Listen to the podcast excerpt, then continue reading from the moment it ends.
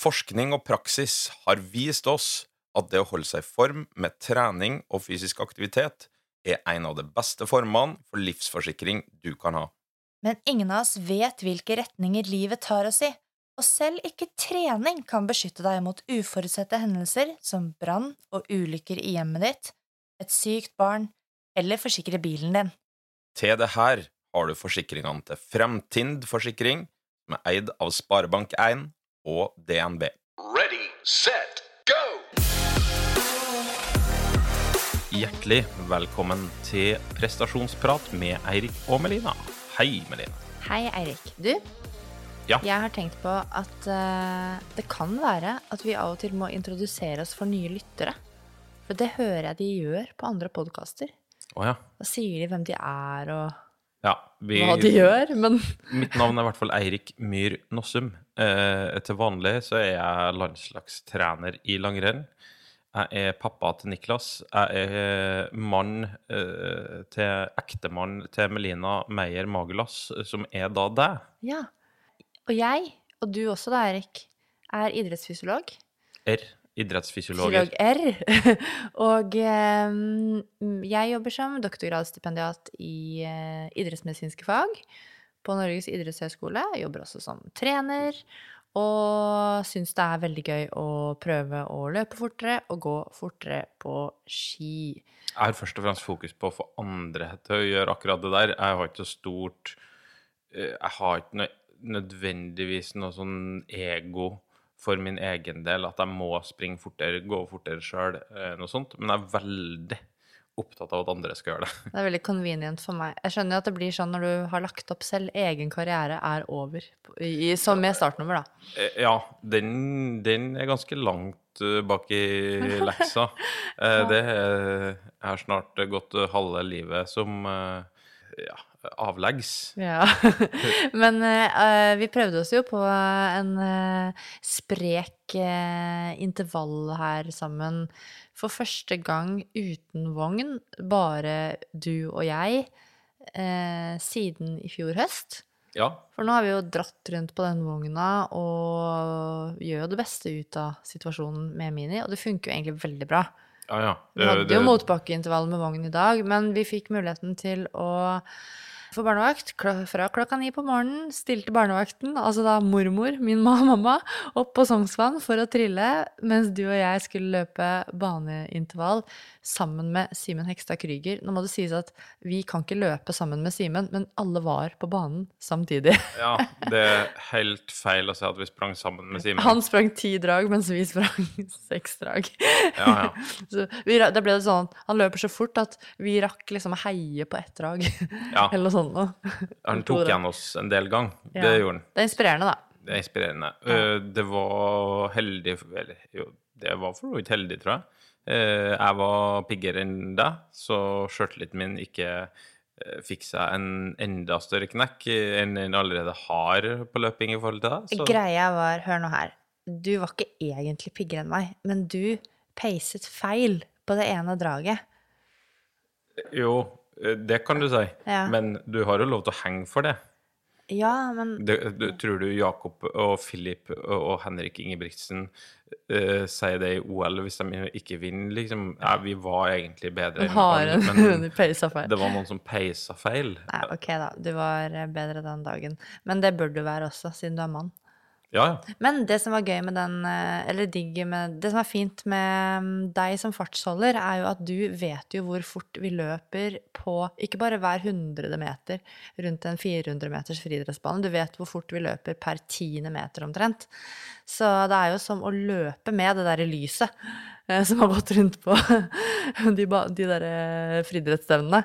ja altså, må, altså, hvis det er noen ting jeg er god på for Bortsett fra det ene draget hvor det feil, regnet feil. Ja, Uh, poenget er vel det at jeg, det er ingenting innenfor løping jeg er god på. Men akkurat å springe på Holde fart, Å liksom holde en viss fart, som ikke er for fort, Uh, det skal Ja, sies. du må jo ha evnen, da. La oss si mellom 3,40 på kilometeren og 4,20. Du selger deg selv for dårlig nå. Du har, altså, du har løpt mange drag som er raskere enn 3,40. Jo, men da får ikke jeg det å peise. Da, da er det full peis. Ja. Eh, da er det ikke peis, da er det peis. ja, så det er to vidt forskjellige ting. Ja. Eh, Men det passer veldig bra for meg, fordi det var min første baneintervall eh, på 18 måneder, følte jeg i hvert fall. Jeg har jo ikke løpt noe særlig flatt heller etter fødsel i det hele tatt. Eh, så da tok vi det så flatt som vi får det. Burde kanskje hatt litt mer overgang først, hvis jeg skulle Men ja, jeg har følt at formen har vært såpass bra at eh, nå var det på tide å prøve litt på bane.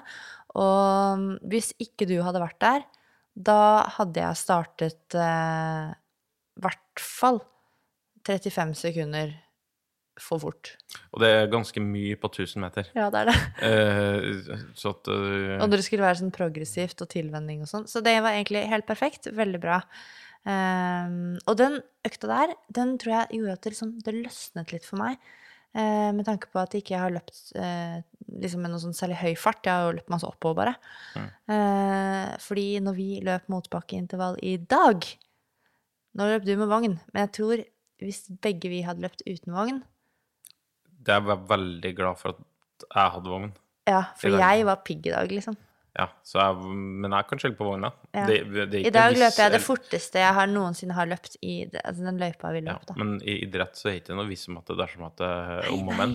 Eh, Så det vet du ingenting om. Nei, men er, jeg, jeg prøver bare å seile på godfølelsen. Jeg lever i troa på at jeg er pigg.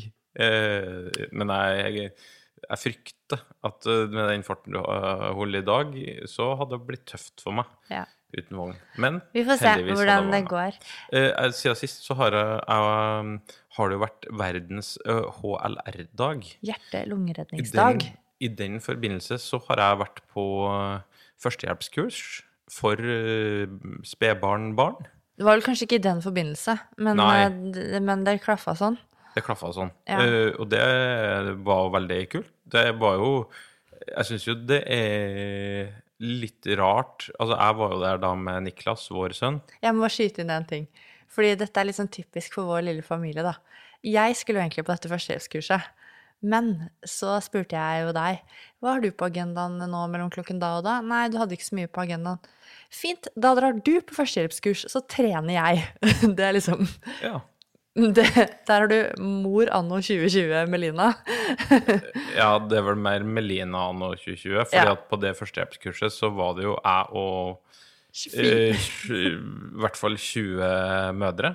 Eh, Ja. Jeg var eneste hanen i høneflokken med unger.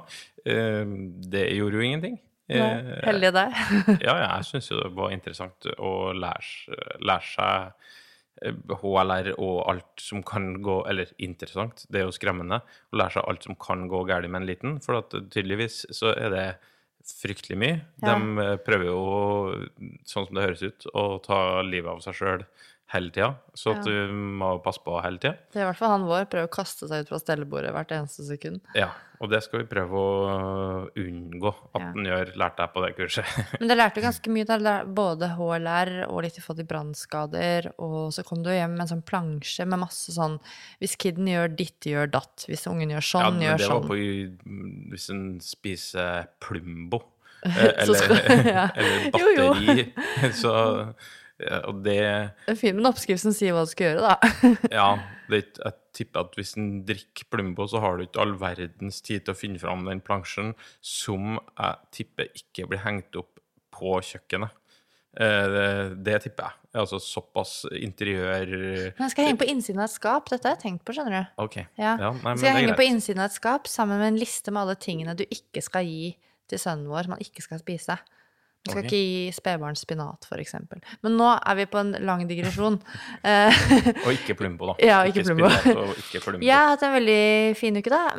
Med trening. Fått eh, til og med økter som har vart lenger enn to timer, så det er jo helt fantastisk superluksus for meg. Eh, og gått mye turer, og ehm, det innebærer også mye kanelbolle og vaffel, men det trenger man jo.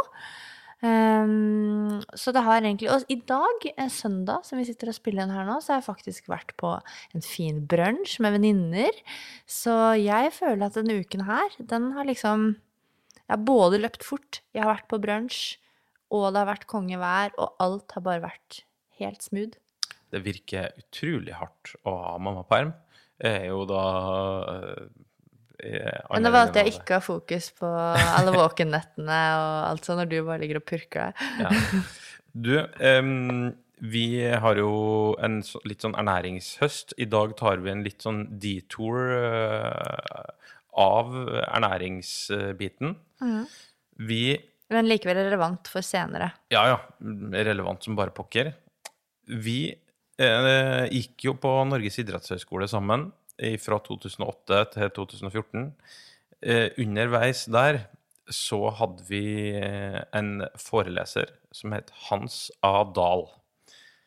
Det skulle vise seg at eh, faktisk den forelesninga vi hadde med han, Den siste vi hadde på vårt kurs, da. ja, det var hans eh, siste forelesning. Han gikk av med pensjon. Eh, han er en som har skrevet masse om eh, muskel. Ja, og han, har blant annet skrevet en bok som heter Mest om muskel. Som eh, ble eh, Jeg vet ikke om jeg skal si at det er en sånn snakkis blant oss som gikk på NIH og- om den boka, men Den ble mye brukt, i hvert fall. den ble veldig mye brukt. Litt sånn oppslagsverk innenfor musk muskulatur, da. Ja, og Hans Adal han var jo da eh, lege, eh, også professor i anatomi. I tillegg så underviste han jo også motorikk og cellebiologi. Og han har forsket på forskjellige muskelfibertyper, egenskaper, og hvordan eh, aktivitet påvirker fibertyper, og skrevet mange lærebøker innenfor anatomi og, og fysiologi, da. Så en skikkelig sånn legende eh, Ja. innenfor dette. Og det vi egentlig da tenkte med denne episoden, som vi kaller Mest om muskel, det, ha, eh, det er en slags sånn hyllestepisode til Hans og Dahl, til boka Mest om muskel, naturlig nok, og er da en episode som skal handle om muskel. Ja. Så vi starter egentlig litt med, eh, med litt sånn grunnleggende muskelfysiologi. Og i det så Da kommer det jo med en gang til det som heter muskelceller. Eh, Og skjelettmuskulatur, da, det er bygd opp av muskelfibre og bindevev. Og en muskelfiber er egentlig det samme som en muskelcelle, og begrepene muskelcelle og muskelfiber de brukes litt om hverandre, og vi gjør jo det samme, vi. At vi tar det som passer best, det som ligger lengst fram på tunga, så ikke bli eh, forvirra eh, hvis vi sier muskelfiber en gang og muskelcelle en annen gang. Eh, så er det sånn at mange muskelfibre danner til sjuende og sist da, en sånn muskel. Altså, da snakker vi ikke tre eh, muskelfibre eller muskelceller, men ganske mange. Og nå går ikke jeg sånn ekstremt detaljert til verks på det her, For eh, det syns jeg er litt vanskelig på podkast å ta absolutt alt av sarkomera, om uh, I-bånd og Z-bånd, og, og gå inn på alt. Men ta litt sånn generelt at det er mange muskelfibrer og bindevev som til sjuende og sist danner da en muskel. Bindevevet omslutter også muske, eh, muskelen og går over i sena i hver ende av muskelen. Og da får du da et utspring og et feste inn mot skjelettet, som gjør at muskelen da kan virke på skjelettet, som er egentlig i bunn og grunn det som skjer. Altså når du tar og pumper vaffeljern, altså tar en biceps curl, eh, så er det f.eks. da en bicepsmuskel som trekker i sendene i hver ende, i sitt utspring og i et feste, som gjør at underarmer løfter seg opp mot overarmer. Mm. Det er ofte sånn, eller jeg opplever ofte mm, med trenerstudenter og ja, andre også, at eh, mange blander liksom sener og ligamenter. Og de eh, består jo begge to av eh, mye de samme komponentene, men litt forskjellig innhold har de likevel i vevet sitt, da. Men det er jo en, fin huskeregel, syns jeg, da, på det med sener og ligamenter.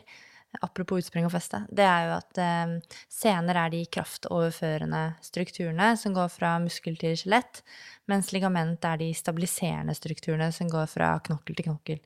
Og her, eh, her kommer vi jo inn på noe som jeg, Jeg tror egentlig aldri jeg har vært en god pugger. Du er en mye bedre pugger enn meg.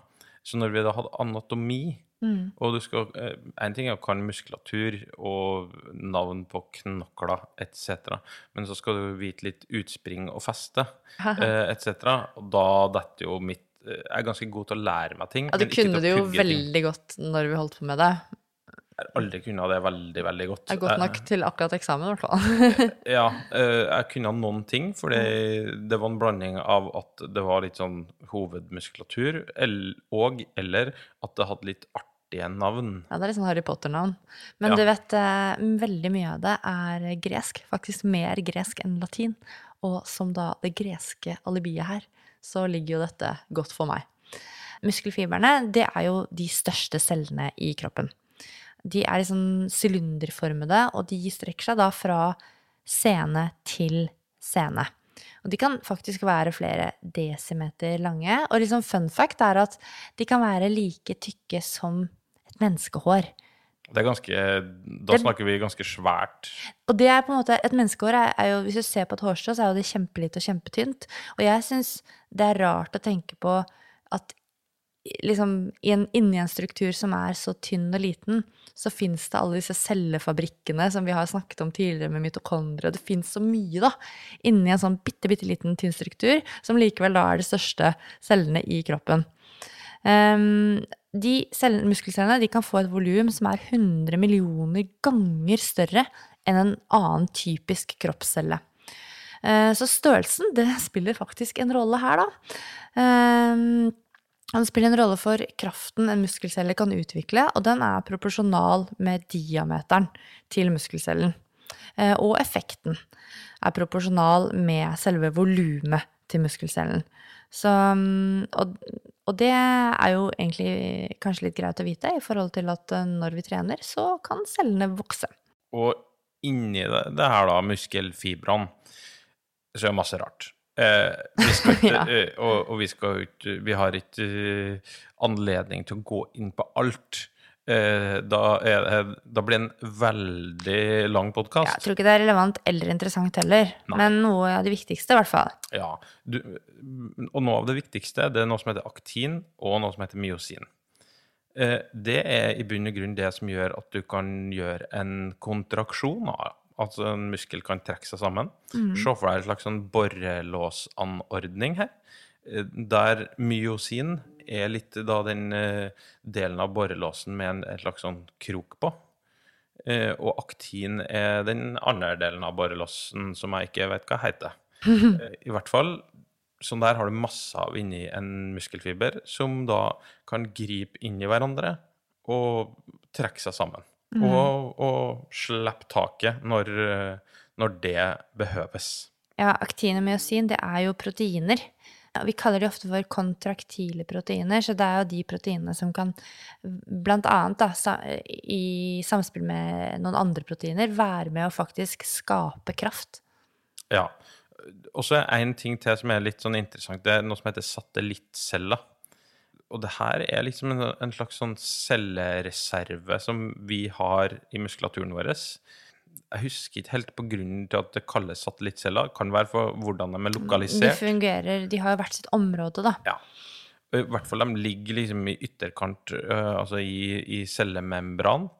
Eh, og for eksempel når du trener hardt, eller får en muskelskade, eh, eller du trenger flere cellekjerner, da aktiveres det her eh, satellittcellene og kan gå inn og, og være med å danne da nye cellekjerner i muskulaturen. De er ikke altså, nevralt tilpassa. Altså, det er kun det hormonelle miljøet i, i selve cella som påkaller f.eks. hjelp. Da. Mm, Vekker opp satellittcellene fra søvnen sin. ja, og det her er, og vi skal ikke gå inn på veldig mye forskning på satellittceller, men der er det gjort ganske mye forskning, bl.a. på NIH, de siste årene. Ok, så da har vi muskelfibre som eh, danner eh, muskelbunter, som etter hvert blir en hel muskelbuk. Eh, og disse fibrene, da, det fins jo forskjellige muskelfibertyper. Og hos mennesket så regner vi med at vi har tre ulike typer. Og de typene har også ulike overgangsformer, sånne mellomformer på en måte. Men de tre hovedtypene, det er jo da type 1-fibre og type 2A og type 2X-fibre. Og det er jo selvfølgelig noen forskjeller i eh, hvordan disse fibrene fungerer, og hva slags egenskaper de har. Eh, hovedforskjellen mellom fibrene handler faktisk om forskjeller i varigheten på en enkelt twitch. Altså en twitch er eh, en kan kalle det en liten muskelsammentrekning. Bitte liten elektrisk stimulering. Det høres Eh, ut som et sånn altså, Tics. ja, det høres ut som et sånn dansebegrep. Kan du ta og vise meg en enkel twitch? Og så Og en dobbel twitch og en Ja, det ja. en Eh, to twitch. ja. Eh, du er avhengig av å ha litt gode twitcher når du skal danse, da. Men ehm, hver, altså muskelfibertypene har forskjellig varighet på disse twitchene. Og når du skal få til en muskelkontraksjon, altså en sammentrekning av muskulaturen for å skape bevegelse, så er det sånn at flere mindre twitcher de liksom samles opp, summeres opp til en kontraksjon. Og f.eks. eh, type 1-fibre, det kalles for slow twitch-fibre. Og type 2, både 2A og 2X, det er fast twitch-fibre. Og det handler jo litt om varigheten på disse twitchene, da. Det at det er delt inn i slow og fast twitch. Eh, det er også forskjell på kontraksjonshastighet og det som vi kaller for forkortningshastighet. Og der, der tror, altså akkurat det der med kontraksjonshastighet og forkortningshastighet tror jeg veldig mange er, bruker som blander de to begrepene, eller sier forkortningshastighet eller kontraksjonshastighet om den samme tingen, men så er det egentlig to forskjellige ting. Eh, må forklare litt, da. Eh, kontraksjonstiden, det er den tiden som det tar fra stimulering, eh, altså elektrisk stimulering, til toppen av en spenningskurve er nådd. For det er jo faktisk sånn at hvis det skal bli muskelsammentrekning, så er det jo elektriske signaler som Ja, går det- det er i musklene våre. Nervesignaler, ikke sant. De er elektriske. Det er jo sånn uh, De fleste, bortsett fra sånn hormonelle signaler, Mm. så er jo sånn alle signaler i kroppen går. Det er Ja. jo elektrisk. Og så må du jo nå et visst spenningsnivå. Og muskler, muskler med kort kontraksjonstid, de har høy kontraksjonshastighet. Mens muskler med lang kontraksjonstid, altså sammentrekningstid, de har lav kontraksjonshastighet. Og disse med høy eh, kontraksjonshastighet, det er type 2-fibre, men de med lav kontraksjonshastighet, det er type 1-fibre. Og dette er jo bakgrunnen for hvorfor vi kaller de for fast og slow twitch-fibre, da. Eh, eller raske og trege fibre, som vi også sier ofte. Litt enklere. Eh, den der kontraksjonshastigheten, det er jo det som er mål Eller det er en, et mål på en fysiologisk egenskap som er Altså som varer fra et øyeblikk til det neste. Mens forkortningshastigheten, det er målet på den synlige ytre forkortningen av muskulaturen, det vi kan se. Um, og så vi, snakker vi om f.eks. negativ og positiv forkortningshastighet. Uh, og det er så langt jeg har tenkt å trekke det med forkortningshastighet i dag. Um, I en eh, konsentrisk kontraksjon, det er jo når eh, vi gjør en muskelsammentrekning og eh, eh, Bicepskrøll. Ja, gjør biceps, gjør Pumpe, biceps curl. pumpe vaffeljern. Ja, ikke sant? To leddflater kommer nærmere hverandre, um, og muskulaturen trekker seg sammen. Aktin og myosin, som du har nevnt, da, uh, de griper Eller de har større overlapping over hverandre, for det blir veldig god borrelåsinteraksjon.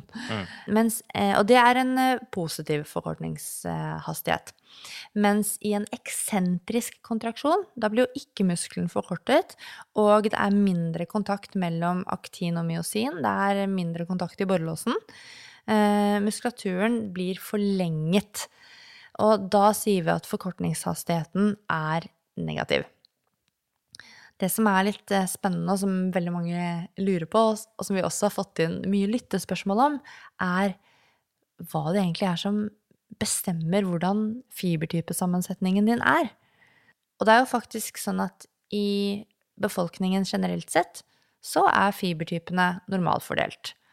Eh, Og det er sikkert noen som skulle ønske at de hadde en større andel raske fibre, og kanskje noen som skulle ønske at de hadde en større andel utholdende fibre. Litt avhengig av hva slags aktiviteter man driver med. Eh, fordi vi ser jo på hverandre at vi har forskjellige egenskaper. Til og med innad i samme treningsgruppe så er det jo noen som er typisk raske, og noen som er litt mer trege og utholdende. Så Og det her handler jo litt om å velge seg foreldre, da. ja, fordi ca. 45-50% litt avhengig av hvilken litteratur man leser i, ehm, men ca. 45-50% av eh, fibertypesammensetningen din er bestemt av arv. Så det er jo sånn fordelingen egentlig liksom gjøres opp. Og så kan man jo si at ok, men da er det eh, rundt 50% igjen, da. Eh, Hva er det, det, hva er det som styres Hvilke faktorer er det som bestemmer fibertypesammensetning der? Og da tror man da at dette er miljøfaktorer. Som for eksempel da trening og fysisk aktivitet. Og kanskje også ernæringsmessige forhold kan påvirke noe.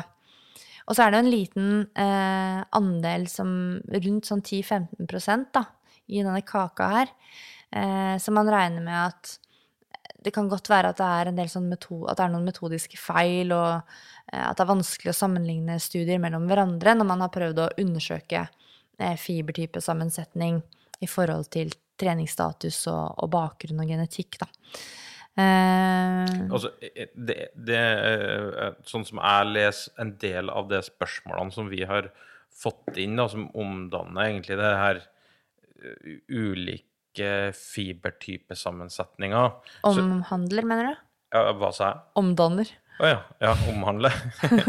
Eh, eh, Så er jo ikke sånn at liksom noen har en biceps bestående av kun type 1 fibra, eh, og eh, nabokompisen har kun bestående av type 2X. Altså det her er jo mm, En hel muskel består av flere typer muskelfibre. Uansett, det gjør den. Ikke sant? Og så har du større eller mindre andel av de ulike typene. Og de, hvis du har en veldig høy andel av f.eks. type 2X-fibre, så vil du jo være mer eksplosiv eh, enn en annen person som har en høyere andel type 2A og type 1-fibre i akkurat den samme muskulaturen, med akkurat samme muskeltverrsnitt eller muskelstørrelse, mm. osv. Um, og så er det jo sånn, jeg nevnte jo litt innledningsvis i forhold til muskelfibertyper, at eh, det finnes jo mellomvarianter av disse tre eh, fibertypene også. Um, og det tror man jo fins fordi at muskelfibertypene er litt påvirkelige. Og det er mange som har sendt inn spørsmål om, eh, med hensyn til om fibertypene kan endre seg. Om det går an å påvirke fibertypesammensetningen. Og svaret er ja, til en viss grad. Det fins jo noen fibertypeoverganger som man tror eksisterer fordi at eh, vi har variasjoner i fysisk aktivitet, fordi vi trener på bestemte måter. Um, det man ser mest av, er jo overganger fra de raskeste eh, type 2X til type 2A ved økt aktivitetsnivå. Eh, men det fins også overganger mellom type 2A til type 2-1. Og Til, til type 1, ikke til type Nei, unnskyld, type, type 2 igjen. Finne på sin egen muskelfibertype her. Det hadde vært en type for meg. Eh, Til type 1. Um, og hvis, man, hvis du rendyrker utholdenhetstrening, og da, da mener jeg altså du trener ingenting annet.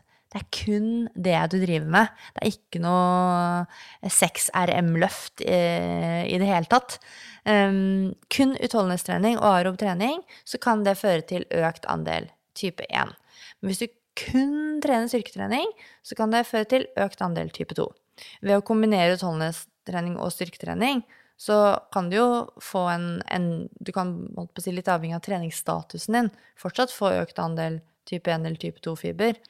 Men altså, den fibertype-endringen blir jo tydeligst når du gjør én eh, type aktivitet, da, som enten arob eller anarob trening.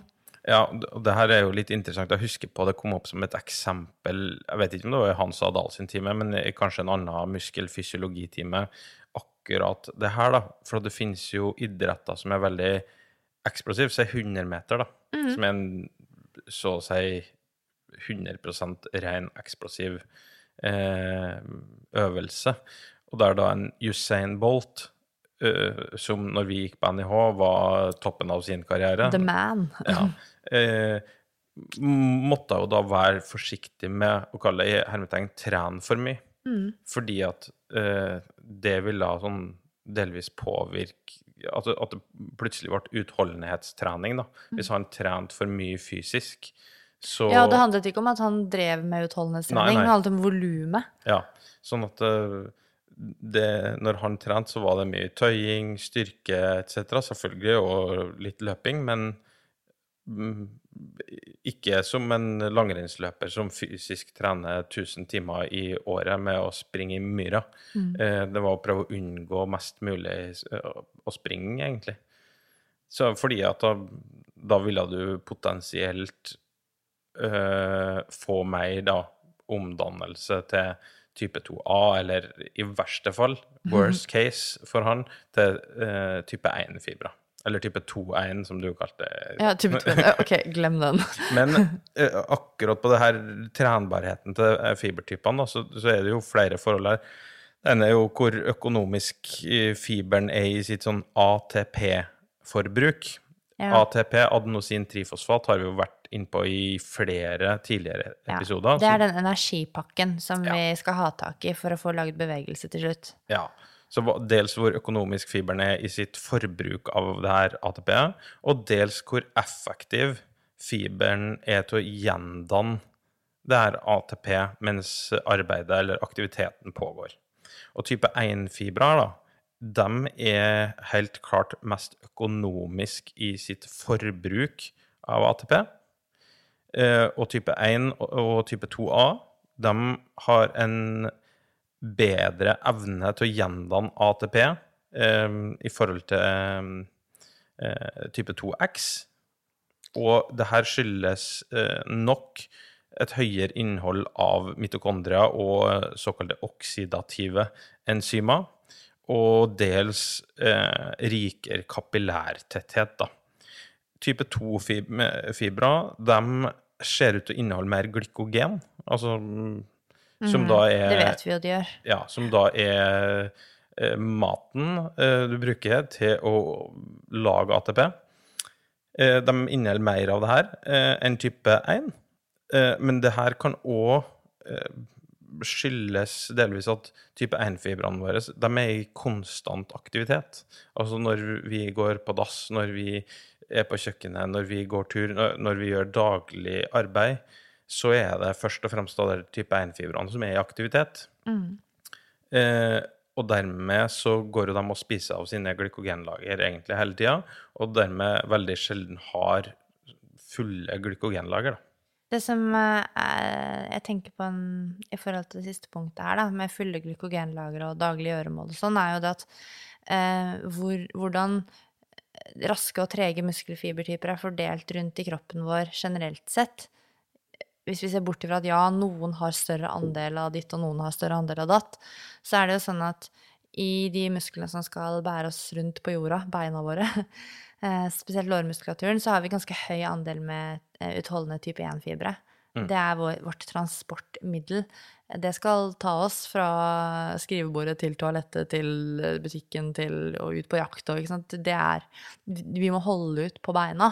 Eh, mens i armene så er det ofte ganske høy andel type 2-fibre. Armene kan gjøre ganske raske eh, bevegelser. Eh, sammenlignet med bena, eksempel. Så, mm, så det er jo også en fordeling eh, i forhold til Altså jevnt over i kroppen, eh, med tanke på hvilke muskelfibertyper vi har mest av hvor, i forhold til hvordan musklene skal fungere i dagliglivet, da. Ja, altså Du kan nesten se sånn at muskulatur du sjelden bruker eh, Der trengs ikke å være så mye type 1-fibrer. Mens muskulatur du bruker hele tida i dagliglivet, sånn som du var inne på, beina, holdningsmuskulatur etc., der er du Pustemuskulatur. Pustemuskulatur, der er du avhengig av at det er masse type einfibre. Mm. Neste punkt er da fasong og funksjon. Det føler jeg var litt sånn derre fasong, form og farge, men ja, men ja fasong og funksjon. Eh, muskler har jo fors forskjellige fasonger. Eh, på halsen er de f.eks. lange og slanke, mens ellers rundt på kroppen er de litt mer sånn plateformede. Eh, og musklene de kan være spoleformet, de kan være to- eller ensidig fjærformet, tohodet, tobuket, remformet, spoleformet eller bred plateformet. Ja, akkurat som oss mennesker. Vi kan ha eh, pæreform, vi kan Tønneform. ja, Dobbel pæreform. Vi kan ha alt mulig, vi òg. Ja, og vi er jo liksom lagd av alle disse forskjellige musklene, da. Med alle disse forskjellige fasongene. Og selve fasongen Eller du kan være perfekt sånn som deg, da. Åh, Oh. Oh, poeng. ok, det var veldig billig poeng, følte jeg. Men uh, ja. Eh, hvordan muskulaturen er formet, vil jo få konsekvenser for hva slags funksjon muskelen har. Um, fibernes forløp vil jo også da være litt forskjellig fra eh, ut fra hva slags muskelfasong vi har med å gjøre. Eh, og hvordan fiberne forløper, forløper seg, det har også eh, konsekvenser for muskelens yteevne når det handler om å skape kraft, f.eks. Um, men vi regner med at hvor mye en muskel kan forkorte seg fra hvilelengden sin, altså helt avslappet muskel, er ganske konstant. Og litt forskjellig er det jo i forhold til hvilken litteratur du leser, men man regner med at en muskel kan forkortes opp mot 50% av hvilelengden sin. Jeg har vel lest både 30% og 50% så vi kan si opp mot 50% da.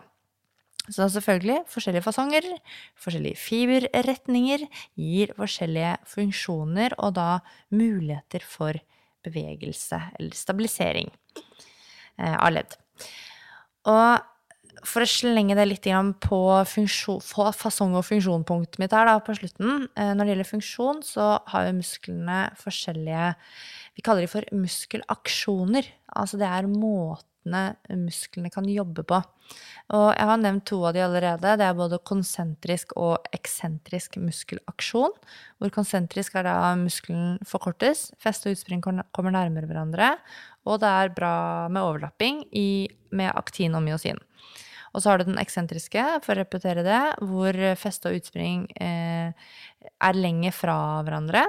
Og eh, det blir mindre eh, interaksjon mellom aktin og myosin. Men så har vi også en muskelaksjon som, eller to stykker da, som jeg ikke har nevnt. Eh, og den ene er isometrisk muskelaksjon. Og veldig mye av forskning innenfor, altså forskning på muskler eh, og når det gjelder styrke, gjøres bl.a. på såkalte isometriske kontraksjoner. Og isometrisk trening, eh, det handler om en, sånn, en modell der du spenner muskelen mot en fast motstand, men det er ikke noe bevegelse i leddet. Så du prøver f.eks. å gjøre denne bicepscurlen, men det du drar i, står bom stille. Likevel så vil jo muskulaturen forkorte seg inni der. Dette er jo sett på ultralyd når jeg selv har eh, gjort muskel-seneforskning. Eh, sånn at senen forlenges, og muskulaturen forkorter seg, men det er ingen endring i leddvinkelen. Um, så det kan man Ja. Eh, og isometrisk trening, det brukes annet i um, rehabilitering. Uh, ikke bare forskning, men rehab etter skade og sykdom. Der hvor det er anbefalt at man ikke beveger ledd, da. Så det blir jo spesielle tilfeller og situasjoner. Uh, det kan f.eks. være den første fasen etter et kirurgisk inngrep. Um, det motsatte, det kalles for isotontrening. Så vi har jo da eksentrisk, konsentrisk, isometrisk og isoton muskelaksjon, eller trening. Jeg, tenkte, jeg, jeg satt og tenkte på liksom komme med et veldig godt sånn praktisk Et, et prakteksemplar av et praktisk eh, bruk av isometrisk styrke. Ja. Og da er det jo interessant hvordan hjernen fungerer, og spesielt til meg. Da begynte jeg å tenke på ok, du skal flytte du flytter på et uflyttbart objekt, da. Mm. Og hvor spinner hjernen meg da? Jo, langt tilbake i tid, til en Japp-reklame hvor en står og tøyer ut med bilen og ikke flytter på bilen, altså et uflyttbart objekt, og så kommer han med rastaflettene og dytter bilen utafor. Ja, da har han spist en japp, da. Da har han spist en Han japp. fikk masse energi av den jappen. Den reklamen, den tror jeg Hvis du er født på 80-tallet eller tidlig 90-tallet, da har du sjans på å huske Ja. den. Og jo mer jeg tenker på jo mindre har den med isometrisk trening å gjøre. Ja. Men eh, det her er litt om hvordan hjernen min funker. Og det har vi jo en spesialepisode om. litt Eirik. senere. Eh, I hvert fall Du snakka jo litt om sånn forkortningshastighet eh, tidlig her. Ja, spenning og sånn. Ja. Og muskelens forkortningshastighet er avgjørende for kraftutviklinga. Høy forkortningshastighet gir dårligere kraftutvikling. Og det er fordi at høy hastighet betyr at flere av de myosinhodene, altså de borrelåshodene, er i ferd med å skifte tak på samme tid. Og det her antall hodene i eh, ja, kall det inngrep per tidsenhet er mindre. Færre kontraktile proteiner som har kontakt per tid, rett og slett. Ja. Eh, type 1-fibra utvikler mindre kraft ved høy hastighet fordi myosinhodene er rett og slett treigere i det her eh, muskelfiberet. Så de er lang, treigere til å gripe og slippe, da. Ja. Uh, og innenfor det du var inne på, altså med isometrisk trening, da, eh, eller hastigheten, altså leddhastigheten, altså endringshastigheten i leddet, lik null, altså statisk arbeid, eller negativt arbeid, altså eksentrisk arbeid, kan kraftutviklinga bli ekstremt stor. Ja, den kan bli enorm. Og for dem som da øh, husker tilbake på vår første pod, øh, ja. som omhandla VO2 Max, øh, så var vi jo inne på en, eh, en god cal eh, som het Archibald Hill. Archibald. Jeg hadde egentlig litt hemmelig lyst til å kalle sønnen vår for Archibald, fordi jeg syns at Nate Archibald i Gossip Girl var så sykt kjekk. Jeg har aldri hørt om figuren. Nei, OK. Men, anyway. men Archibald på trøndersk, det blir ball. Archi, Archibald. Archibald. Så det, altså, det sier seg sjøl at bold, det blir ball. Ja, men Archibald Hill, det høres veldig fint ut, da. Ja. I hvert fall Hill-kurven. Det er noe som uh, Jeg klarer ikke å slutte å tenke på Ar- Ar- Archibald Nossum. Ja. Jeg skal gi meg. jeg skal gi meg. Det sier seg sjøl at du ikke kan eh, Sjøl om jeg syns at Archibald er et det- artig navn, det. Men det går ikke an eh, med en trøndersk far og mye trøndersk familie å heit Archibald. Nei. Archibald. Eh, ja, Hill-kurven, den er veldig sentral innenfor mye eh, innenfor kraftutvikling. Og den viser hvordan muskelkraften blir mindre jo større eh, hastigheten på forkortninga skjer i. Og vi ser at den største kraftutviklinga skjer når vi arbeider eksentrisk. Jeg tipper at vi kommer til å legge ut et bilde av den såkalte Hill-kurven. Vi må det, men dere kan google den allerede i dag. Hvis vi ikke har lagt ut da, så er det bare Hills curve, eller Hill-kurve, eller Hills equation. Mm. Eller bare Archable Archibald Hill. Eller bare Archibald Hill. Nei, vi googler Hill curve, for eksempel. Da eh, får du opp den her lengde-, spennings- og forkortningshastighet-kurven. Og da eh, blir det ganske tydelig eh, Ja, dette er med eh, mindre muskelkraft, større hastighet og sånn. Et viktig begrep da, eh, når vi er inne på muskler, det er begrepet motorisk enhet. Det husker jeg på vi òg fikk på eksamen. Eh, typisk sånn spørsmål én, for det, det må du kan. Ja, det var såpass viktig. Hva er en motorisk enhet? Så, eh, og jeg fikk riktig på det, eh, så nå kan jo du si hva du ville ha svart. Jeg Fikk òg riktig på det, da. Dust. Ja, det, men hva svarte du? Ja, eh, jeg svarte vel noe sånt som at en motorisk enhet er en motorisk forhornscelle. Det vil si det kommer da fra ryggmargens forhorn. Eh, og alle de muskelfibrene som den, den motoriske forhornscellen innerverer. Det vil si det er nervetråd, da. Dette skrev jeg jo ikke på eksamen, men jeg prøver å forklare litt. Det er en nervetråd som går da til muskelfibre og innerverer disse muskelfibrene. Så de motoriske forhåndscellene i ryggmarken de innerverer altså da skjelettmuskulaturen vår, som er de musklene som vi bruker til å bevege kroppen med. Og de forhåndscellene de har noen nerveutløpere som heter aksoner. Og de aksonene de kan dele seg i mange grener når de først har nådd frem til muskelen. Og hver endegren danner veldig tett kontakt med en enkelt muskelfiber, eller en enkel muskelcelle. Da. Og den kontakten det kaller vi for en eh, synapse, eller en synaptisk endeplate. Det blir mye rare ord her, men, men det er i hvert fall det den kontakten heter, da, mellom den nervecellen og den eh, muskelcellen. Og en impuls i et enkelt forhåndscelle den leder ut til alle endegrenene, eh, som fører til aktivering av alle muskelfibrene, som da eh, eh, nervecellen har kontakt med via de motoriske endeplatene. Så en motorisk enhet, det er altså den minste enheten vi har for aktivering av bevegelsene. Da skal vi bevege oss litt over mer mot uh, trening, skal vi si det. eh, bevegelse. Eh, og litt på årsaker til og, og effekter av muskulær tretthet. Som eh, helt sikkert veldig mange av våre lyttere har opplevd. Det å bli sliten. Eh, tretthet, det det er jo et begrep jeg egentlig bare bruker når jeg skal snakke om utholdenhet. Altså å definere utholdenhet. Ja, for det handler, de- definisjonen er evnen, evnen til å motstå tretthet. Ja, tretthet er sånn rart ord å bruke, egentlig. Ja, for meg så er jo det altså søvnmangel. Ja. eh, Det er på tretthet. Men det kan være eh, mer min måte å se ting på. Mm. I hvert fall muskulær tretthet, det er en manglende evne til å opprettholde en ønska kontraksjonskraft. Nok en slags sånn definisjon, da.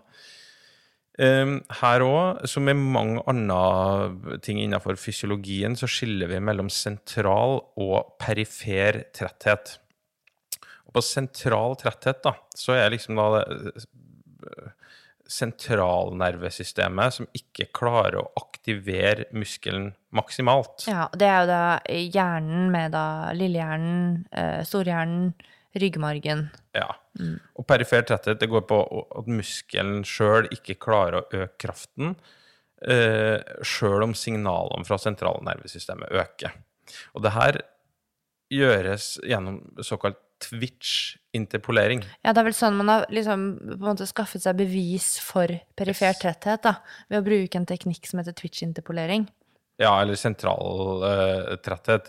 Altså Ja, ja, at- du går inn under en maksimal kontraksjon, og så øker du uh, holdt på å si twitchen mer. Mm. Elektrisk stimulert. Elektrisk stimuli. Det høres veldig sånn uh, Vondt vondt ut. Ja, men vi har gjort det. Vi hadde jo forsøk med twitch-interpolering. Ja, det husket jeg på. Eh, I, jo, jo, jo. Vi satt, jeg var forsøksperson. Jeg skulle gjøre leg extension, og jeg satt og hadde elektrode på meg, og fikk, muskelen, fikk vi muskelen stimulert med 30 hertz, eller 50 hertz.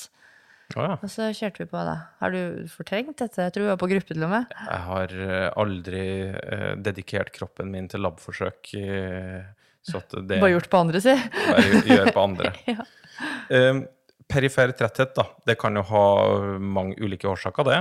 Eh, og helt sentralt da, for en sånn muskelfiber eller muskelcelle si evne til å reagere på et nervesignal, står natrium-kalium-pumpeaktiviteten. Da kanskje Ja, natrium og kalium, det er jo da eh, elektrolytter, på en Ja, måte. det, det er måten på et vis du kommuniserer på, da, at Ja. mye av de elektriske signalene her kan, kan gå. Mhm.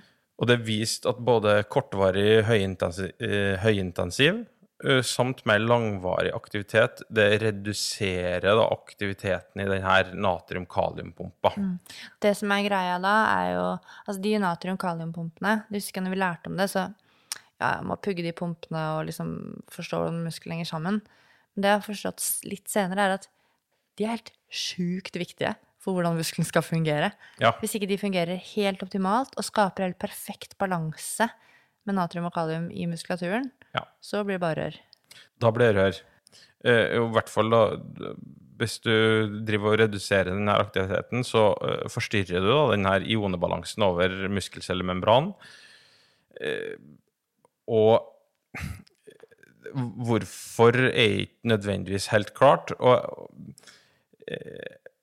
jeg prøvde å liksom mm, eh, nok en gang sette meg litt inn i det som står i Mest i muskel, og prøve å verifisere det opp mot nyere forskning i forhold til antioksidanter og, og diverse. fordi at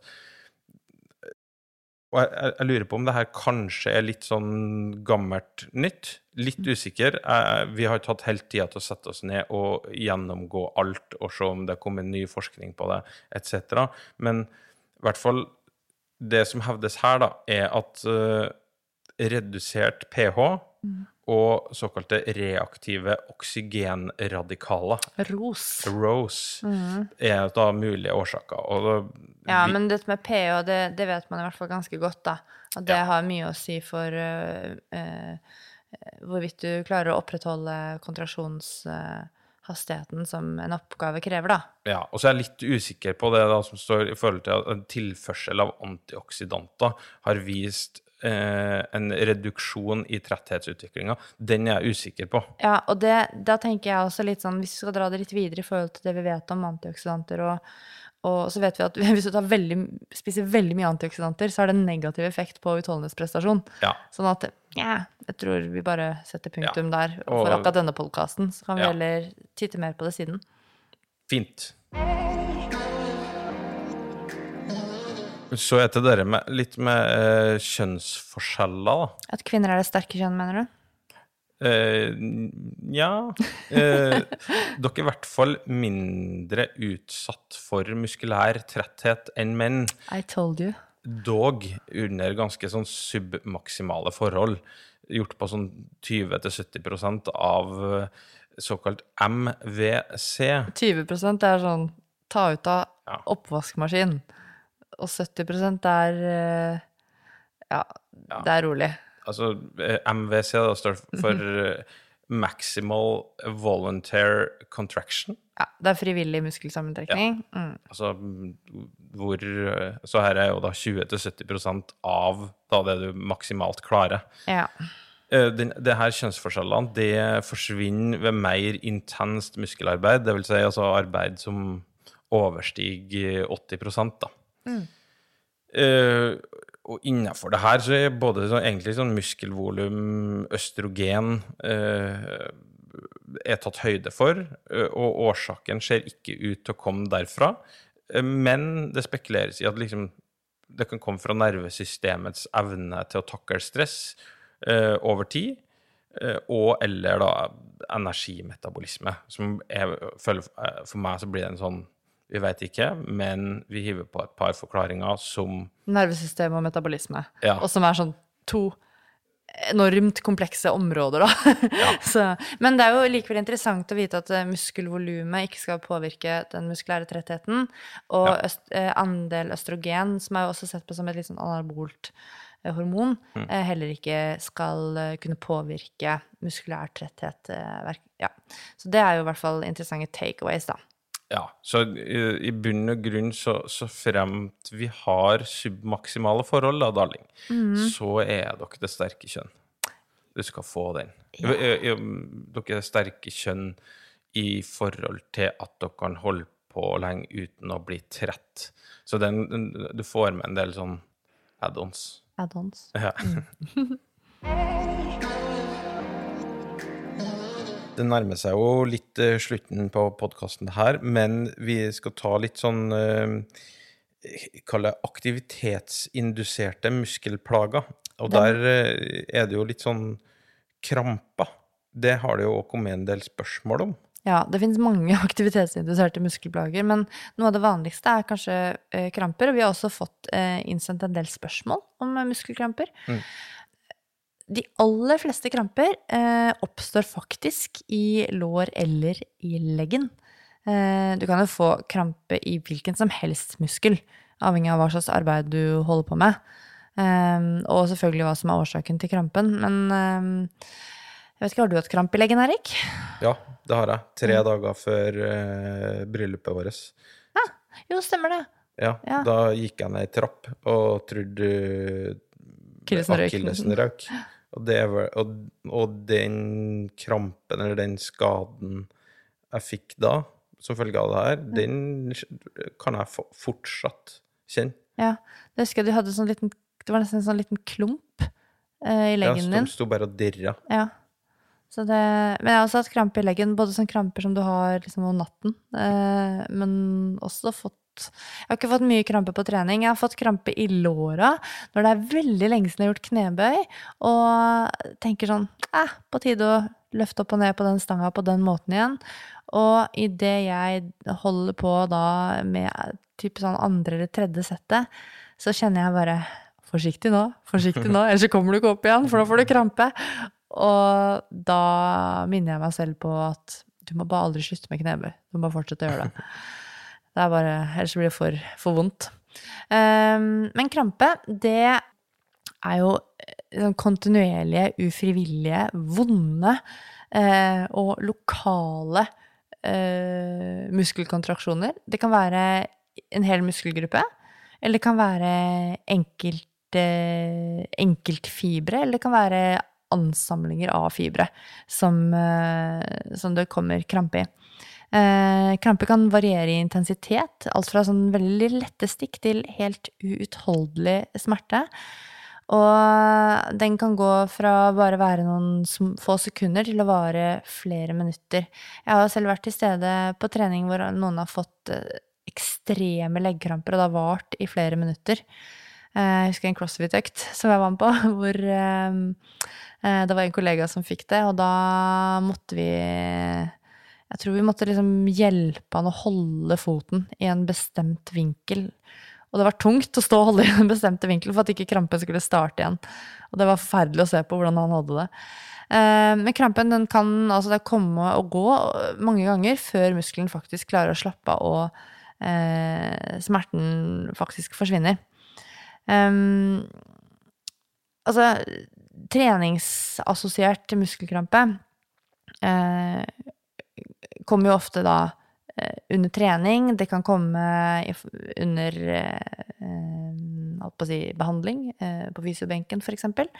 Men man vet ikke alltid helt hvorfor krampene kommer. Og det er ikke alltid sånn heller at selv om den krampen du opplever eller får, den er liksom begrenset til et spesifikt område, altså den er lokal, som jeg nevnte, så er det ikke sikkert at årsaken til krampen nødvendigvis er lokal. Det er mange faktorer som kan spille inn. Ja, ja, eh, det er det. Og eh, det er en- kanskje ikke en kjensgjerning, eh, men ofte så ser en at muskelkramper oppstår litt oftere da, i sliten muskulatur. Definitivt. Du var sjøl innpå. Hvis det er lenge siden du har gjort knebøy, så er du kanskje i dårlig form. Så i dårlig form eh, og eh, Eller ikke og eller, men eller at du har hatt en høy belastning, da. eh, På et, en muskelgruppe, f.eks. Gjennom trening, konkurranser. Eller hvis du gjør begge deler, da. At du både er i dårlig form og du Ja. til med høy belastning. Da er i hvert fall sannsynligheten for at det oppstår en eh, muskelkrampe høyere. Eh, Så spekuleres det om kanskje at utilstrekkelig uttøying kan bidra. Ja, den tror jeg er høyst Ja, spekulativ. Det tror jeg Men det så har, altså, du, man finner jo litt om det i litteraturen. Ja da, og, og så er det jo noe Jeg husker på det med de, altså dehydrering, da. Eh, væsketap. Eh, det Når jeg var aktiv òg, så husker jeg på Vi fikk beskjed Nei, du må, du må drikke masse, du må drikke sportsdrikke. Bare salt. Eh, ja, fordi at ellers så får du krampe. Det var litt sånn garantert. Spesielt hvis det er um, enten veldig streng kulde, eller særlig hvis det er veldig varmt, da. Ja. Og at da salttapet eh, er stort. Mm. Og det er jo ofte da hvis det er sterk varme, du svetter mye. Um, og da, da er jo spesielt det natrium, da, som også er involvert i, i nervesignalene våre. Ja, for det er jo helt vanlig salt, egentlig. Ja, natrium-kaliumpumpa, som vi tidligere har vært eh, innom her. Eh, der er jo natrium viktig. Så underskudd på det her natriumet og væske det kan irritere musklene og få dem til å trekke seg litt sammen ukontrollert da, i en krampe. Eh, så har du jo en, en del sånn medisiner som noen må gå på av ulike årsaker, eh, som kan gjøre deg litt sånn predisponert da, for muskelkramper. For eksempel da, ja, vanndrivende midler og kolesterolsenkende medisiner. Så er det nå en gang sånn, da Det husker jeg på at nå, Jeg vet ikke hvilken foreleser vi eh, vi hadde om det her med, da. Men som han sa, at det som kanskje gir størst mulighet for krampe, det er hvis du, bare er, hvis du er for dårlig trent. Ja. Eh, Alt annet kan ja, selvfølgelig være med å bidra, men er, er du for dårlig trent i en muskel i forhold til den aktiviteten du gjør, etc., eller du er for dårlig på å gjennomføre øvelsene sånn som de bør og skal gjennomføres, sånn at du begynner å bruke dårligere muskulatur til å gjennomføre bevegelsene, altså at du på et vis den nevromuskulære kontrollen er litt ute å kjøre, da, så øker sannsynligheten betraktelig. Ja, for hvis du har overbelastning av og slitenhet i muskler, så kan det påvirke balansen mellom da de mekanismene som skal eh, stimulere muskelen, og de som skal hemme eller bremse Ja. aktiviteten i muskelen, og så blir bare resultatet at det bare går i krampe. Det er noe med det. Så hvis man skal unngå krampe, da, Mm. så gjelder det da å bruke prinsippet om progresjon, Ja. egentlig. For at du må gjøre belastning som du er trent nok til å gjøre. I hvert fall hvis vi skal tro på den teorien om at eh, fysisk form og belastning Mm. kan være med på å, å bidra til krampe hvis du ikke er i så god fysisk form og belastningen er for høy. Um, Ja, være godt nok trent. ja, være godt nok trent, og, og også uh, være nøye med uh, hydrering. Mm. Uh, hvis man trener under forhold hvor eh, det f.eks. er varmt, eller hvor væsketapet er stort, da, Mm. og salttapet er stort. Definitivt. Eh, Så uh, kommer vi jo inn på noe som heter doms. Mm. Og det husker jeg på var ganske Det har festa seg. I, i- alt som ikke har festa seg, så har doms det har festa seg ganske godt til meg. Kan ha noe med eh, at jeg spilte litt Doom når jeg uh, var yngre. Eh, I hvert fall Delayed Onset Muscle Soreness eh, står det for. Det er jo egentlig fagterminologien for stølhet Ja. på engelsk. Stiv og støl. Mhm. Der tror jeg jo stort sett absolutt alle eh, som har prøvd og trent, og uh, spesielt styrke, at uh, nyttårsfeiringa er over, og uh, nyttårsforsettet settes inn enten i benkpressen, i knebøy eh, eller noe annet. Eller bare hele kroppen, egentlig. Eller bare hele kroppen. Eh, at OK, nå, nå skal jeg begynne med styrke. Det er for så vidt eh, et århundre siden sist jeg trente styrke, men nå skal jeg dunke til. Så er jo stølhet noe som eh, kommer. Og det er noe som typisk kommer sånn én til to dager etter aktiviteten. Og det er jo ikke nødvendigvis når du sitter og når du ligger i senga eller når du hviler at du kjenner at du er støl. Det er jo når du bruker den muskulaturen du har da trent, Mm, eller- e- eller at du liksom trykker på den. Ja, åh. Begynner, Ja, vondt, nå skal jeg begynne å massere deg, ta på deg når du er støl. Det er sånn, noen ganger så kan du prøve å være hyggelig og skal liksom massere liksom nakken litt, eller, eller liksom skuldrene. Hvis jeg da har trent styrke, så er det bare sånn Ikke ta på meg! Det, det er litt sånn vondt godt. Nei, det er mest bare vondt. Men apropos det der med at, som du sa, at det er ikke hvile du liksom kjenner stølheten. Jeg tenker bare tilbake på de når jeg var aktiv danser, og det var liksom livet og jobben og Og særlig når jeg kanskje trente rundt sånn syv-åtte timer for dagen. Og det, høres, det virker jo helt sjukt at jeg orket å gjøre det nå, men eh, sånn var det.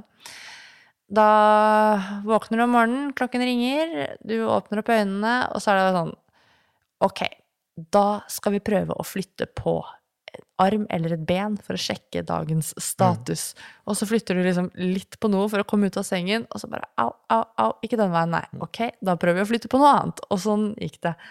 Og det var ikke fordi Altså, når du danser, så har du så Du gjør mye de samme tingene, og du er trent for det, men av og til så kan det komme opp noen type bevegelser, eller litt endring på noen bevegelser som du kan veldig godt, og så gjør du det repetert 18 ganger, og så blir det ganske stor belastning, da. Mm.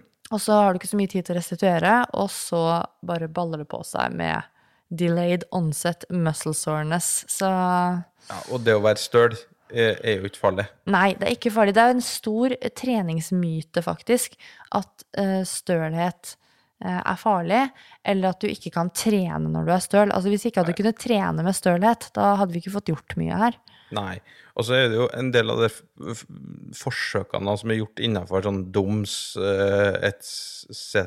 innenfor det, så, så gjøres det jo ganske sånn ekstreme laboratorieforsøk Ja. med, med ganske sånn voldsomme ekstreme påkjenninger, med dertil store muskelødeleggelser. For å ta et eksempel der, da, så vet jeg at det ble gjort en eh, studie på, tror det var på NIH, hvor de eh, deltakerne skulle gjøre, jeg tror det var noe sånt som et volum, altså ikke én sleng, men et totalt volum på rundt sånn 300 eksentriske biceps curl, vil si biceps hvor du, du curler ikke opp, men du bremser ned mot en motstand, da.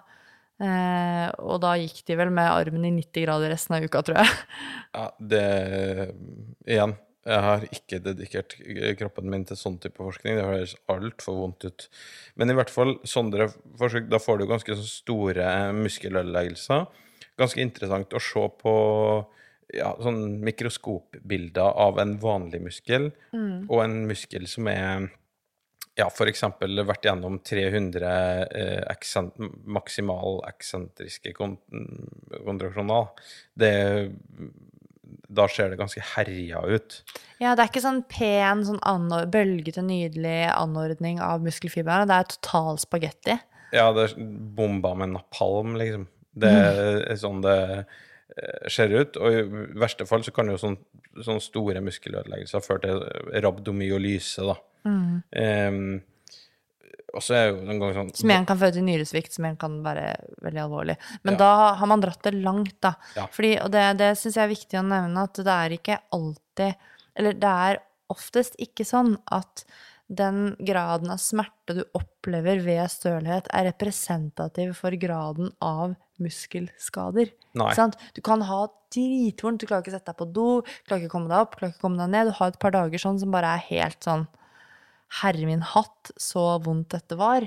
Men det betyr ikke nødvendigvis at du har mm, full spagetti bombet med napalm i musklene dine likevel. Det har vært eh, interessant forskning og sett uh, forskjellen på kvinner og menn som tror de har rabdo, eh, etter gitt For at jeg tror det er en større andel menn som tror de har det, meg inkludert. Det skal veldig lite til at Ja, jeg tror men, det. det. lyset presenterer seg om at du svul hovner opp og svulmer Ja, ja. opp, du kan få feber. Men, men, men hvis vi kunne forholdt oss bare til den ekstreme stølheten, da, kanskje. Eh, Med det mener jeg jeg tror det er flere menn som synes utrolig synd på seg sjøl når vi har doms, da. Ja. For det Jeg har en annen historie om menn og rabdomyolyse. En um, bekjent av meg som uh, jobbet på eh, akuttmottak på jeg tror det var Ullevål, men jeg er ikke helt sikker. Eh, men i hvert fall etter et eh, meget stort løpearrangement i Oslos gater, det var vel det største, da, eh, hvor det er maraton og halvmaraton, så var det faktisk ganske mange som kom inn med rabdomyolyse. Og det var veldig mange menn, ikke så veldig mange kvinner. Og det jeg tenkte da, var at disse mannfolka de har ikke sett sin egen begrensning. De burde ikke stilt opp i maraton eller halvmaraton på en varm dag når de ikke er godt nok trent. såkalt vann over hodet. Ja, digresjon der, da. Men ja. Ja. Eh, Så avslutningsvis så må vi jo si det er liksom at vanlig stølhet da, må ikke settes i samme kategori som dere eh, laboratorieforsøkene. Laboratoriedomsen. Nei. Eh, Og ikke nødvendigvis påvirke muligheten til å utvikle kraft, da.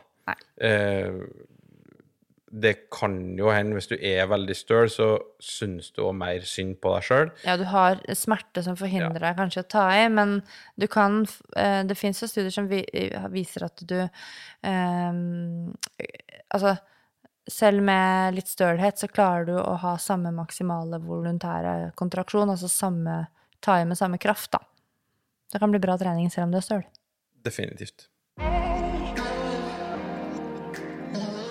Da nærmer det seg slutten her. Vi har jo prøvd, å, som egentlig litt vanligvis vi gjør, er å legge opp podkasten etter en god del av de spørsmålene som kommer inn. Så jeg tror vi har svart på mange av de lytterspørsmålene, som denne gangen har vært veldig mange. Takk for det. Vi har svart på det meste, men det er noen spørsmål som jeg tror vi skal spare til eh, noen andre episoder. Fordi ja, de har noe med muskler å gjøre, men det er ikke liksom på tema. Så dere som ikke føler dere fikk svar på spørsmålene deres nå, de blir godt tatt vare på i arkivet vårt. Ja.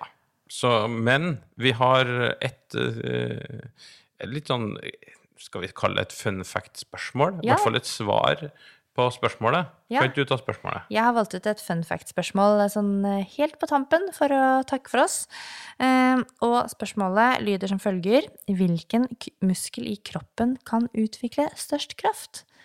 Hva hadde du tippa, Eirik? Eh, Ja, nå veit jeg det, men det er jo Det her er jo per Altså i forhold til størrelsen på muskelen, da. Mm. Eh, for det er jo veldig lett å tenke seg gluteus maximus eh, og sånne store Ja, lår eller Ja. rumpa Det er jo lett å tenke seg. Men eh, det, vi har en muskel som heter masseter. Mm, Eller er seter. machetemuskel. Nei, uff. Jeg kalte den det hele tida på, på NIH. Machetemuskelen. Ja, Det høres Macheter. Hvor ligger den, da? det, Den ligger i kjeven vår. Mm. Den eh, tygger muskulaturen eh, vår. Og den inneholder veldig Altså abnormt Ikke abnormt, for det er normalt, men, Mm.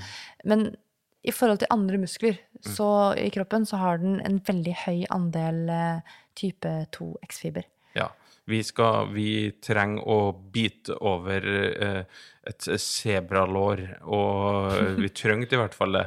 Og eh, Men tenk så hardt du klarer å holde deg hvis du biter sammen Ja. noen ting. For å klare å holde kroppsvekten sin og mer til med å liksom bite i noen ting og henge. Mm.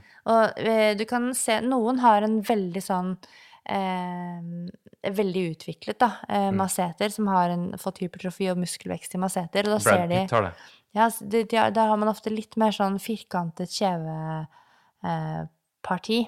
Mm. Og hvis man for eksempel Og man kan også se det på Hvis det er noen som har problemer med at man eh, liksom biter veldig mye tennene sammen og spenner kjeven veldig, så kan også mm, man se at de har litt større masseter enn en andre. Men det er faktisk Den lille kjevemuskelen der, det er kroppens aller, aller sterkeste muskel. Og det for hver avslutninga på denne episoden. Mm. Så får vi håpe at uh, Hans A. Dahl titter ned på oss og er fornøyd med vår oppsummering eh, eh, av hans bok 'Beste om muskel'. Ja, den, eh, vi har ikke tatt alt, men vi har tatt eh, mye. Og vi fikk også et spørsmål om er det noe som eh, ikke står i den boka som er verdt å vite. Altså, det er ikke mye. Nei, du får det, det, er ikke, det er ikke den største læreboka. Nei. Og det likte jeg veldig godt. Det er ekstremt kondensert, så hvis du er på jakt etter hvis du har lyst til å lære deg litt mer muskelfysiologi, både få litt fun facts, men òg masse harde fakta, og lære hvordan ting henger sammen, så kan jeg anbefale den lille, nette, fine boken Mest om muskel. Jeg skal legge ut et bilde av den. Ja, en digresjon og som jeg sier litt om hvor altså, Den er ganske sånn som lærebok litt spesielt skrevet, fordi at han drar den ganske Drar enkelte sånn ting ganske langt. Blant annet i et kapittel der så driver han og snakker om eh, en eller annen signalvei.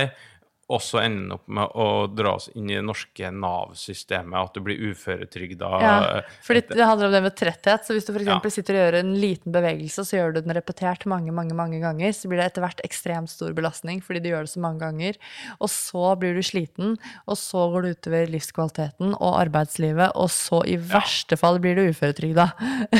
Ja, og innom med sånn eh, hierarki eh, der og, og alt mulig. Så at det Den er ganske lettlest. Ja, det er lettlest. Veldig fin bok. Tusen takk, eh, Hans Adal, for all lærdommen vi fikk.